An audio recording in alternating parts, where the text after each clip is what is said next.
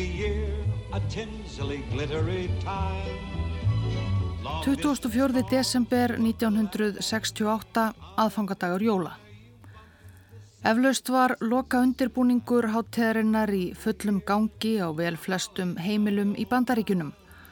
Víðast hvar alltaf verða reyðubúið fyrir jóladægin sjálfan degi síðar sem var og er vel flestum bandarækjamönnum aðal háttegardagur jólana þegar jólagjafirnar eru teknar fram undan trénu og háttiðlegasti jólamaturinn á borðum. Þegar liðið var nokkuð á kvöldið þennan aðfangadag, klukkan var orðin nýju í New York á austurströnd bandaríkjana en hún var þó enn bara sex vestur í Kaliforníu, Allavega þá tóku margar bandarískar fjölskyldur sér pásu frá jólastúsinu og settust niður við sjóastækið sitt, græjuna sem var óðum að verða miðpunktur fjölmarkra heimila. Það voru reynar ekki aðeins bandaríkjamenn sem kvektu á viðtækjum sínum á þessari stundu, heldur fólkum heim allan, þó að sumstaðar var í langt liðið á nóttu og annar staðar árla morguns eða miður dagur. Það var einstök sjónvarsútsending að hefjast, útsending sem áallad er að jáfnvel miljardur manna um heimallan hafi séð. Áhorstölutnar voru reynd ótrúlegar. Alls ekki allir þessir áhorvendur voru endilega að búa sig undir jólaháttíðina auðvitað en háttíðin var þremenningunum sem stóðu að sjónvarsútsendingunni þennan aðfangadag 1968 ofarlega í huga. Þó þeir væru vissulega viðs fjarrri frá öllum eiginlegum háttíðahaldum. Raunar eins langt eiginlega á hægt var að komast. Þremenningarnir voru statir úti í geimnum í meira en 300.000 km fjarlægð frá jörðu að ringsóla í geimfari á braut um tunglið. Þeir Frank Borman, Jim Lowell og Bill Anders voru geimfarar bandarísku geimferðastofnunarinnar NASA. Þeir voru um borði í Apollo 8 á leiði lengsta ferðalag NASA og mannskeppnunar út í geim til þessa og einu því djarfasta.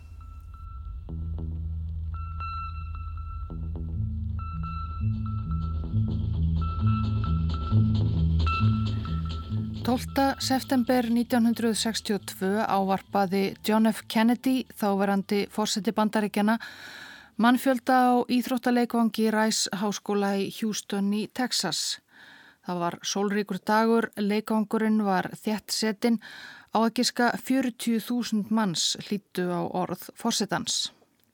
Kennedy var komin til Houston til að mæla fyrir ákveðinu markmiði sínu að koma bandaríkjamönnum á yfirborð tunglsins. But why some say the moon? Why choose this as our goal? And they may well ask, why climb the highest mountain? Hvers vegna að fara til tunglsins? Þessi orð Kennedys í Houston urðu fleig og þóttu mörgum til margs um stórhug hins bandaríska anda. We choose to go to the moon. We choose to go to the moon in this decade and do the other things, not because they are easy, but because they are hard. Hvers vegna? Við veljum að fara til tunglsins á þessum áratug ekki vegna þess að það sé auðvelt, heldur vegna þess að það er erfitt. Because that goal will serve to organize and measure the best of our energies and skills because that challenge is one that we're willing to accept, one we are unwilling to postpone, and one we intend to win, and the others too. Og svo framvegs.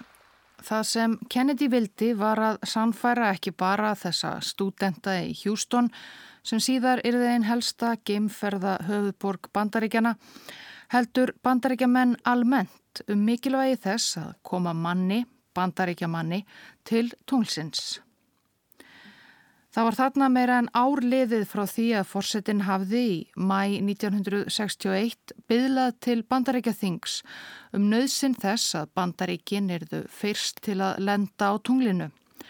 Höfuð óvinnurinn í kaldastriðinu Sovjetríkin hafðu til þessa átt talsvert forskot í könnun Gamesins, sett fyrsta gerfinöttin á brautum jörðu 1957 og fyrsta mannin í geimin Júri Gagarin fyrir á árinu 61. Þetta auðvitað mátti ekki líðast að mati bandaríkjaforsetta sem lofað hafði þjóðsynni algjörum yfirburðum bandaríkjana yfir Sovjetríkin. Bandarískur almenningur var þó ekki endilega alveg sammála að þetta væri mál málana. Skoðanakönnun gerði í júni 61, nokkrum vikum eftir ákall Kennedys til Thingsins, síndi að meiri hluti bandarækjamanna, 58%, var því mótfallin að verja miljörðum almannafjári að koma manni á tunglið. En við förum jú til tunglsins ekki vegna þess að það sé auðvelt, heldur vegna þess að það er erfitt.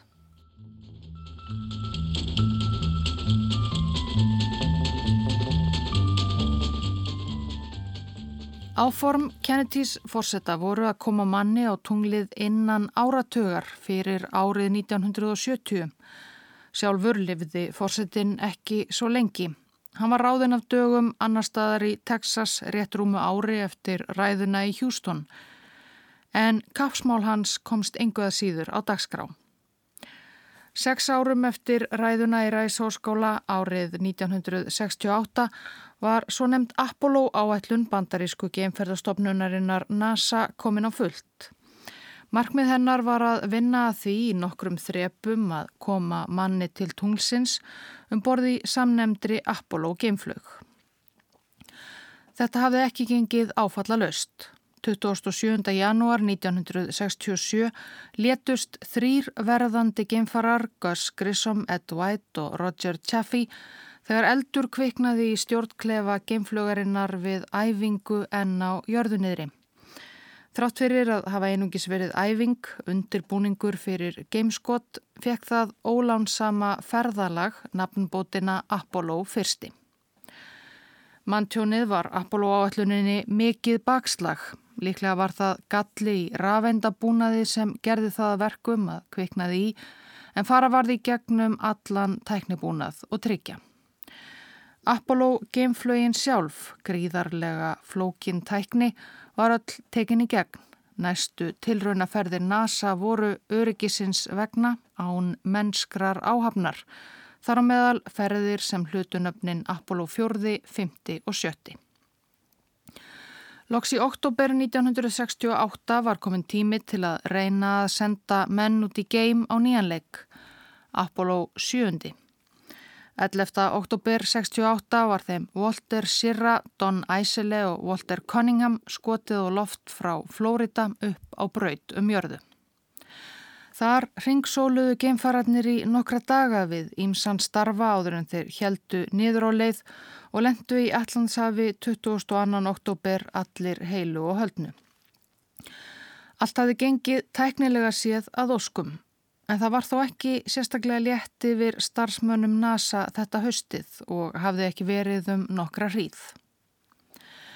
Apollo geimflögin samanstóð af þremur megin pörtum, eldflögin sem sáum að skjóta geimförunum út í heimingeimin, stjórnklefin sem flutti mennina svo til tunglsins og loks sjálft tunglfarið sem lenda átti á yfirborði tunglsins. En sem komið er hafði Apollo flug ekki farið sérlega nálægt tunglinu og ekki komið til eiginlegra kasta tunglfarsins. En samkvæmt áætlun átti næsti leiðangur, Apollo 8, að vera sérlegi til þess að gera prófanir á sjálfu tunglfarinu þó ekki er þið farið herra en á braut um jörðu. Síðsumars 1968, þegar leiðað fyrir hugðum ferðum Apollo 7. og 8. leiðt út fyrir að áætlanir getur frestast, ekki síst er snýri að Apollo 8. Verkfræðingar NASA voru í endalösu vesenni með tunglfarið og það leitt alls ekki út fyrir að það erði tilbúið og örugt til geimferðar næri strax. Við hverja yfirferð bættist eitthvað nýtt vesen við. Tunglfars tilraunaferð Apollo 8 átti að fara fram tveimur mánuðum á eftir Apollo 7 í desember. Ef fresta er því ferðinni myndu öll plön NASA riðlast og mögulega, hugsuðu NASA-menn þarna með hryllingi, myndi að lókum ekki nást að planta bandaríkjamanni á tunglið fyrir lok sjönda áratugurins eins og Kennedy sálugi fórseti hafi lofað. Tíminn var farin að líða ansi rætt. Einn af stjórnendum NASA á þessum tíma var George Lowe, flugverkfræðingur sem flúið hafði sem barnað aldri með fjölskyldu sinni frá Östuríki nazismans fyrir upphaf setni heimstyrjaldar. Lowe þessi hafði unnið að geimferðum í tíu ár og verið meðal þeirra NASA-manna sem fullvisuðu John F. Kennedy fórseta í upphafi áratögarins um að takmarkið bandaríkjaman á tunglið 1970 eða fyrr væri yfir höfuð mögulegt. En róðurinn var farin að þingjast. Ló var í fríi, sata á ströndinni á Karibahafs eigu síðsumars 1968 og reyndi að hugsa um eitthvað annað en tunglferða áætlunina þegar hann, honum tókstaðu þetta alls ekki, fekk hugmyndað laust. Laust sem hljómaði djörf en gæti leist vandan og haldið nasamönnum á áætlun. Ef ferð Apollo 7 á brautum jörðu í oktober gengi vel, því þá að senda strax næsta Apollo á sömu slóðir. Frekar væri hægt að sleppa tunglfarinu sem er því varla ferðbúið en prófa dálitið annað þessi stað, nefnilega að senda Apollo 8 af stað tunglfars laust en stefna miklu lengra út í geim en áður alla leið á braut um tunglið. Geimfarar Apollo 8 myndu ekki lenda á sjálfu tunglinu en komast nær því en nokkur maður hafði áður gert. Sannarlega nær tunglinu en nokkur sovjetmaður hafði enn komið. Þetta er því ekki síður mikilvægari æfing fyrir takmarkið, hérna endanlegu tunglferð. Ló mælti fyrir þessari hugmynd hjá kollegum sínum hjá NASA og þetta varð ofan á. Apollo myndi stefna á tunglið.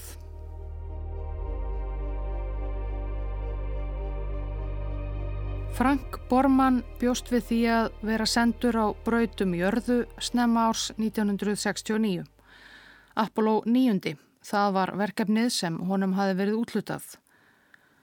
Bormann hafði unnið í sex ár hjá NASA og þegar farið út í geim. Í desember 65 hafði hann verið næri tvær vikur í geimnum, farið 206 ferðir í kringum jörðina um borði Gemini geimflög, einum fyrirrennara Apollo. Undanfarið hafði hann verið við ímiskonar æfingar fyrir næstu flugferð. Þrátt fyrir að hann væri ekkert yfirdrifið spentur yfir því að fara aftur og ringsóla um jörðina, gerði hann það sem í bóði var. Það var ekki fyrir enn í ágúst 68 eftir að George Lowe snýri heim aftur af Karibahafs einni að Frank Bormann fekk símtal. Hann átti að flýta sér á fund yfirbóðara sinna hjá NASA í Houston. Þar fekk hann spurninguna hvort hann væri til í að leggja af stað í geimferð fyrr en ella. Taka við stjórn ekki Apollo 9. heldur Apollo 8. og fljúa strax í desember. Og ekki fara bara enn og aftur á brautum jörðum, heldur lengra en nokkur maður hafði áður gert nær alla leið til tunglsins.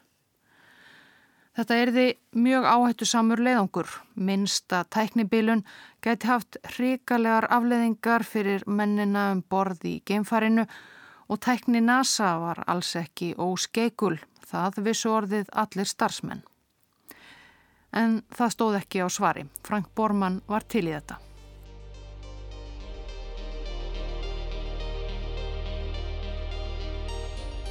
Frank Bormann hafði orðið færtugur fyrir á árinu. Fættur í mars 1928, svonur bílasala í borginni Gary í Indiana, en þegar hann var ungur flutti fjölskyldan söður til Arizona, ekki síst í leitað hlýra loftslægi fyrir sonin Frank sem var plagaður af ennishólu og erðnavandamálum frá unga aldri í rakanum og kuldanum í Indiana.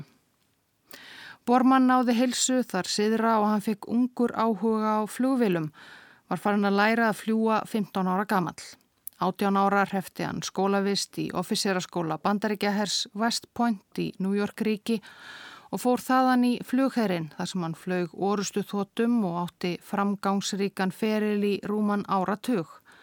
Fram til ársins 1962 þegar Bormann var í hópi nýju flugmanna sem gengur til liðs við geimfarahóp NASA. Hann var vissulega áhuga samur um flug af öllu tægi En hann var fyrst og fremst hermaður og leita á vinnu sína hjá NASA sem hluta þeirrar hermensku. Bormann sagði síðar. Ég var þarna út af kaldastriðinu. Apollo áallunin var ein orustan í kaldastriðinu, þess vegna voru peninga settir í verkefnið, þess vegna var byrjað á því og þetta voru margir aðrir kosti við það, en þetta var orusta í kaldastriðinu, orusta sem við unnum. Það var það sem ég hefði mestan áhuga á. Ég fór ekki að vinna fyrir NASA til að sapna steinum eða fara til tungsins eða eitthvað þvíumlikt. Ég var þarna því ég var herrmaður. Meðal nýmenningana sem gengur til liðs við NASA 1962 var einnig Jim Lowell. Hann var jafnaldri Bormanns næstum upp á dag, Lowell fættur 25. mars 1928, Bormann þann 14.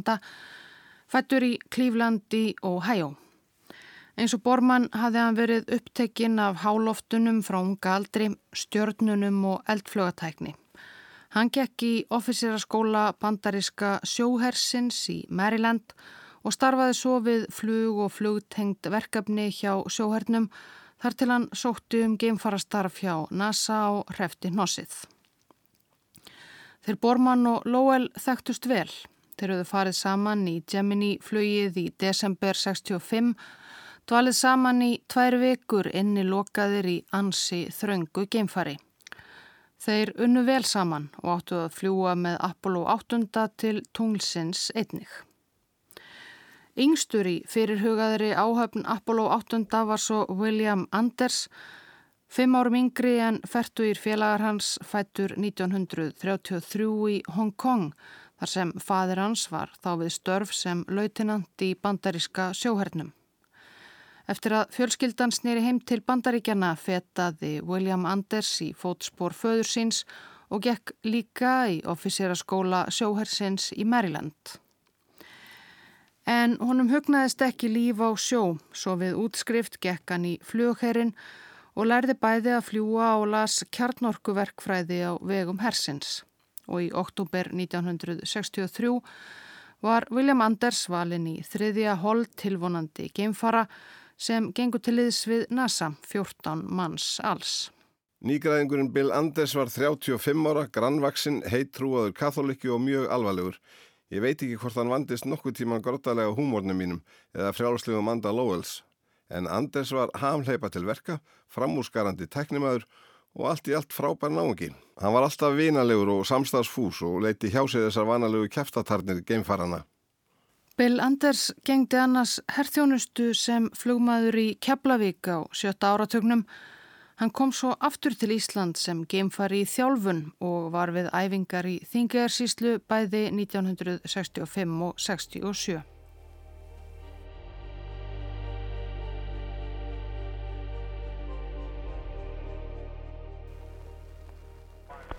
This is Apollo Saturn Launch Control. We are still go at this time. Eldsnemma morguns 21. desember 1968.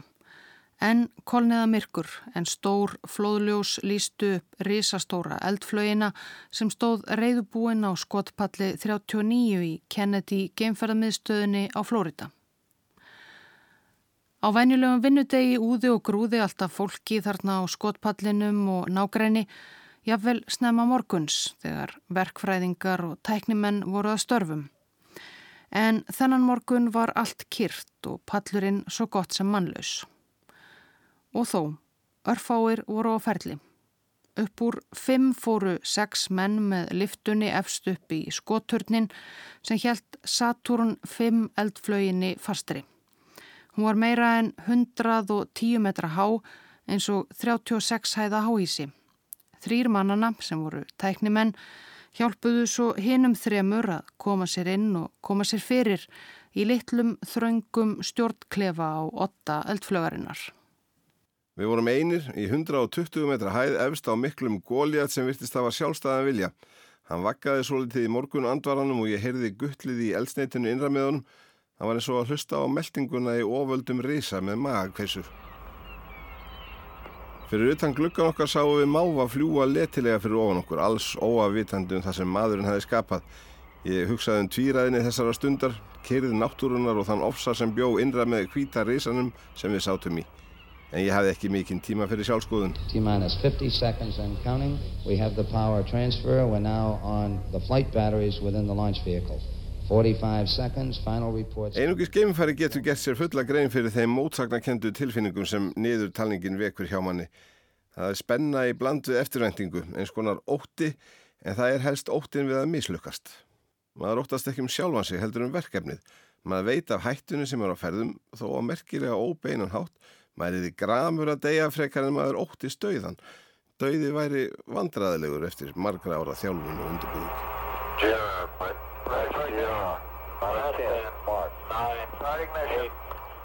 Niðurtalningin tók sinn tíma. Ekki bara 3-2-1 gameskott. Það þurfti að fara í gegnum langan lista atriða sem þurftu að vera reyðubúin og hreinu. Framtíð bandarísku geimferða áallunarinnar Emdir Lovors Kennedy forsetta öldu á því að þetta tækist og líf mannana þryggja í kvíta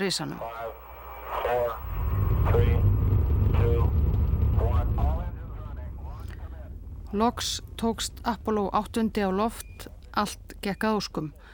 Nokkur mínútum eftir flugtak var farið komið í næri 200 km hæð á næri 30.000 km hraða og stemdi auðvitað hærra. Apollo 8 Houston. Go ahead Houston. Apollo 8, you are go for TLI, over. Roger, understand, we're go for TLI.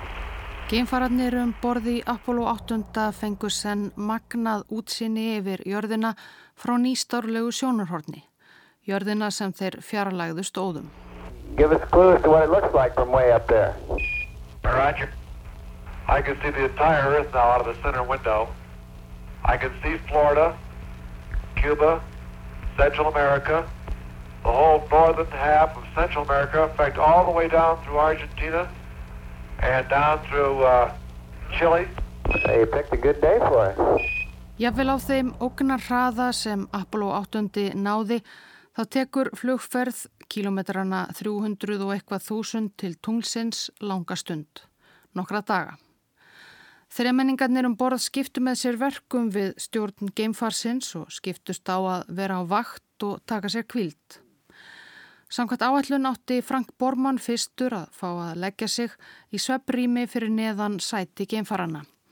En húnum gekk erfiðilega að festa svepp. Til að halda áallun tók hann svepptöflu, sopnaði samt ekki, heldur fór að kasta upp og svo kom það bæði ofan úr og neðan úr. Óþægilegar aðstæður fastur í þröngu rými með þremur öðrum mönnum innan um rándýran tækjabúnað, já og þúsundir kilometra úti í geimnum í þingtarleysi. Fregnir af uppsölum Bormanns vöktu litla lukku á jörðu niðri í stjórnstöðu NASA.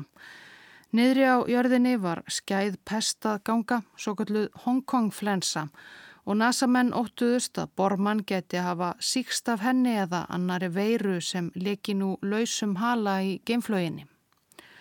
Það hljómaði ekki vel. Þrýr geimfarar ælandi hver yfir annan. Nó var að æla og saur úr Bormann einum flýji um geimfarið. Kollegar hans tveir reyndu að þrýfa það eftir fremsta megni en slikt er nokkuð vandarsamt í þingdarleysi.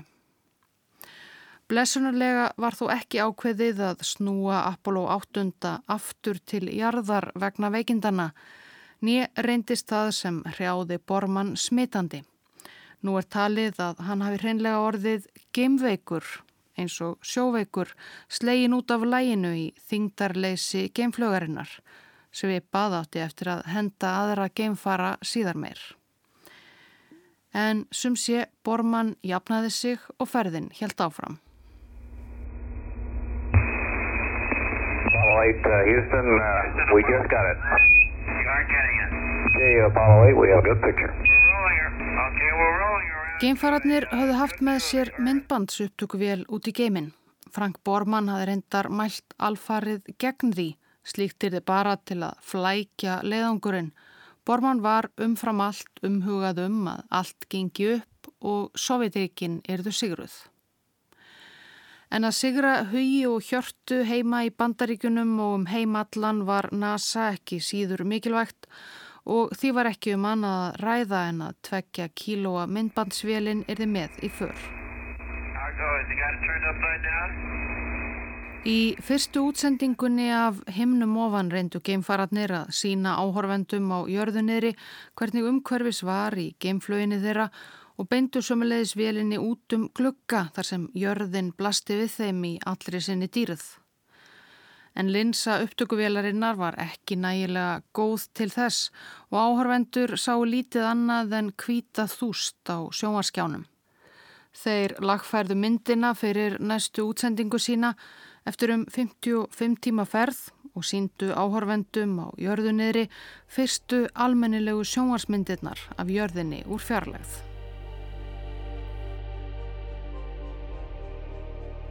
Eftir um þryggja sólarhingaferð voru þeir komnir á áfangastað, svo að segja, að verða komnir á braut um tunglið.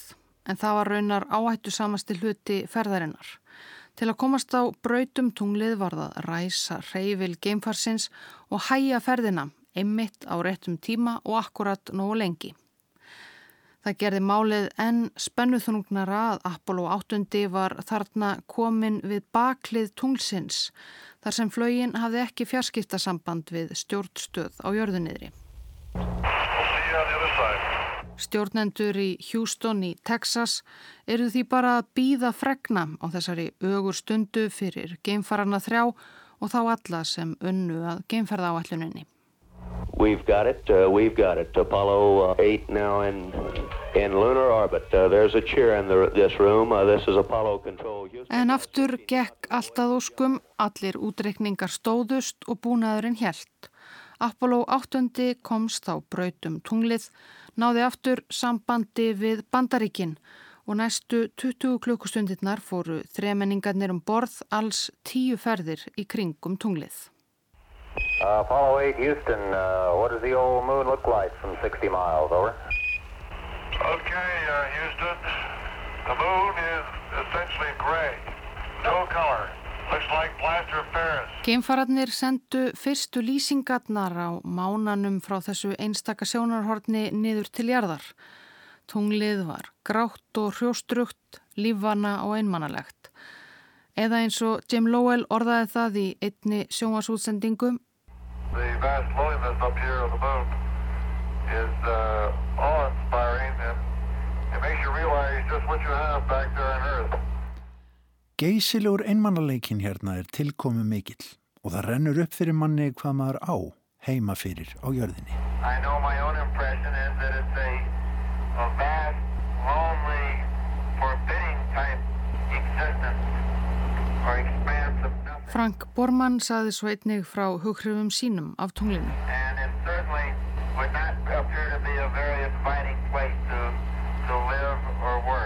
Fyrir mér er tunglið eins og mikil víðátt af engu. Lítur dálítið út eins og mökkur af vekursteinum og það verið sannlega ekki vera álitlegu staður að búa á eða starfa. Þegar Apollo 8 hafi farið fjórar ferðir í kringum tunglið blasti við þremenningunum um borð mögnuð sjón. Jörðin að rýsa í myrkum fjarskanum. Í fyrsta sinn í sögunni sem mannverur sáu nokkuð því líkt með eigin augum. Það var Bill Anders sem fyrstur tók eftir því. Oh my god, look at that picture over there. There's the earth coming up. Wow, that's pretty.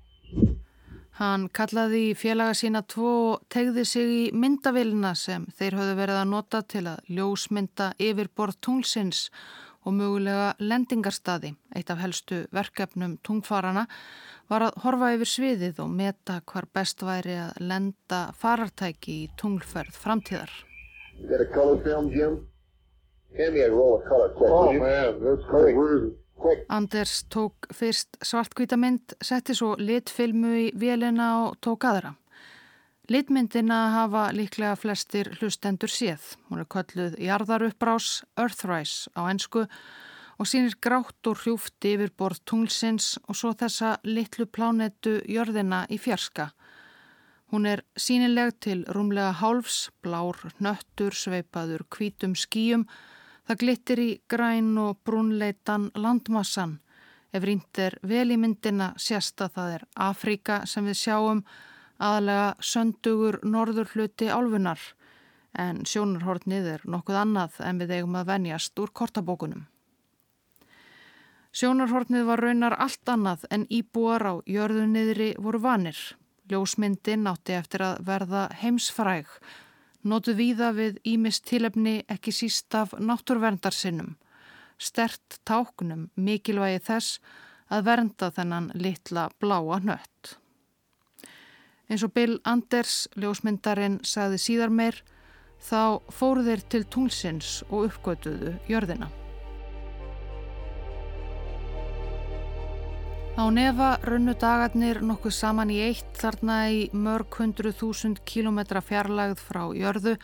Tremenningarnir höfðu snemma hætt að reyna að halda sig við vakta og kvildarplanið sem búið hafi verið til á jörðunniðri. En þegar ljósmyndin fræga jarðaruppbrás var tekinn var komin 24. desember aðfangadagur jóla á jörðinni fyrir þau sem jól halda. Og vitaskuld sendu geimfararnir við tunglið jólakveðju til jarðarbúa. Áður en lagt var í hann hafði Frank Bormann verið falið að skrifa jólahugvekju til að flytja á aðfangadag enga smávegis jólahugvekju. Það var sterklega búist við því að hvað sem geimfararnir segðu þarna uppi í geimnum myndi það ná eirum fleiri manneska en nokkur önnur ræða í sögunni hinga til. Bormann reyndi fyrstum sinn að setja eitthvað saman innblásið af anda jólana um frið á jörðu og þess áttar en það var óneitanlega hólur hljómur í því. Bandaríkin voru þarna 1968 fullum fettum í stríðsregstri í Vietnám og bæði Hermanninum Bormann og Nasamannum á jörðunniðri fannst mikilvægt að jóla hugvekjan úr gemnum hljómaði ekki eins og einhvers konar afsökunar beðinni vegna þess hernaðar eða yfirbót. Ákveðið var að leita lausnarinnar í Guðs orði biblían hliti að luma á einhverju. Og að lokum var það kona nafni Kristín Leitin, eigin kona embætismanns í fjárlaga og hagsýslustofnun bandaríkjastjórnar sem datt niður á réttan reitningarteksta. Uh, for all the people back on earth, the crew of Apollo 8 has a message that we would like to send to you. Bill Anders hóf útsendinguna á aðfangadag, þann álgæðist sólaruppbrás á tunglinu, sagði hann In the beginning, God created the heaven and the earth, and the earth was without form and void, and darkness was upon the face of the deep. Og Anders fór svo með upp af fyrstu Mósebókar Gamla testamentisins, þar sem segir af sköpun heimsins. Í upphafi skapaði Guð heiminn og jörð, jörðin var þá auð og tóm, myrkur grúði yfir djúpinu en andi Guðs sveifi yfir vötnunum og svo framvegis.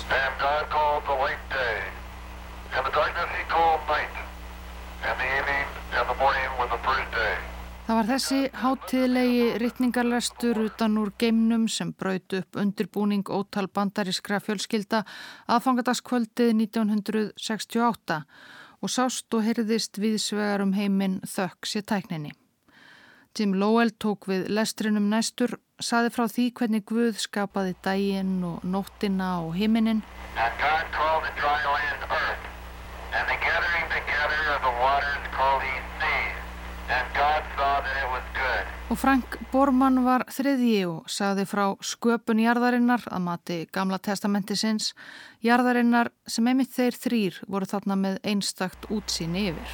And from the crew of Apollo 8 we close with good night, good luck, a Merry Christmas, and God bless all of you, all of you on the good earth. Hann þakkaði svo fyrir áhorf og áheirn og skaði öllum á jörðunniðri góðrar nætur, góðskengis og gleðilegra jóla úr geimnum.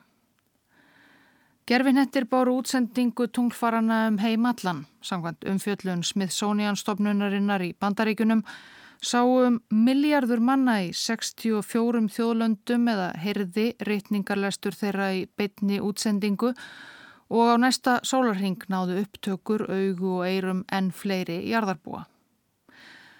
Ekkert var minnst á Vietnamstríðið eða önnur hitamál tengd bandaríkunum. Af nógu var að taka þetta ár 1968 en ekki voru þó allir allskostar ánægðir með boðskapin. Bandarískir trúleysingjar voru til að mynda ekki allir hrifnir af þessu uppáttæki geimferðastofnunar sinnar.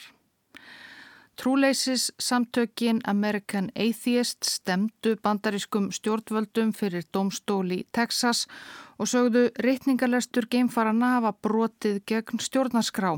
Málinu var vísað frá. Það gerði hæstiréttur bandaríkjana sumu leiðis, taldi málið ekki innan sinnar lögsugum, enda utan úr geimnum. Þrátt fyrir lesturinn úr fyrstu Mósebóku heilaglegt yfirbræð útsendingarinnar voru ekki allir geimfararnir jafn sannfærður um að þarna uppi varu þeir komnir í návíi við eitthvað æðra máttarvald eða guðdóm. Útsýnið yfir litlu jörðinam satt í katholikanum Bill Anders allavega. Árið 2018, þegar 50 ár voru liðin frá ferð Apollo 8, sagði hann að jarðar uppbrásinn og myndin sem hann tók af henni hefði grafið undan kristinni trúhans. Hugmyndinum að hlutirnir snúist í kringum pávan og þarna uppi sé stór ofurtölva að velta fyrir sér hvort Billy Little hafi verið góður strákur í gær. Það bara meikar ekki sens. Eftir reytningalesturinn á aðfangadag voru geimfararnir þrýr orðnir nokkuð þreytir. Eftir langt ferðalag og stópulan svepp en þeir heldu áfram að fara hringi um tunglið nokkuð enn. Eldsnemma á jóladagsmorgun að bandariskum tíma lagði Apollo 8 af stað heimálið af braut tunglsins og aftur niður á við. Tim Lowell grínaðist um það við stjórnstöð á jörðuneri að þeir hefðu flóið hjá jólasveininum, hann þá ferðinni ansi hátt uppi. Geimfararnir fengu sérstakka jólamáltíð, niður svo en kalkun með sósu sem var svo þykk að hún fór ekki á flug í þingdarleysinu. Hljómaði öllu gyrnilegra allavega, skrifaði Frank Bormann síðar, en samlókutnar sem félagar þeirra í stjórnstöð á jörðunniðri fengu. Þeir vörpuðu nokkrum myndum til viðbótar frá sér en að öðru leiti fór ferðin niður að mestu í að pakka saman og undirbúa heimferð. 27. desember 1968, sex dögum eftir að Apollo 8. yfirgaf jörðina og hjælt til tungsins, lendi farið aftur, húræði niður og stakst niður í norðanvert Kiraf. Allt gekk upp Frank Bormann, Bill Anders og Jim Lowell voru inni í farinu, ómeittir og óhulltir eftir lengsta ferðalag mannskefnunar til þessa. Þeirra ferðalag varð ekki lengra en Apollo áalluninni og kapplaupinu til tunglsins var að sjálfsögðu ekki lokið. Kaldastrís hermaðurinn Frank Bormann lést í november í ár 2023, 95 ára að aldri. Þegar þetta er tekið upp 55 árum eftir ferðalag þeirra til tunglsins lifa félagar hans Tim Lowell og Bill Anders enn í hári elli.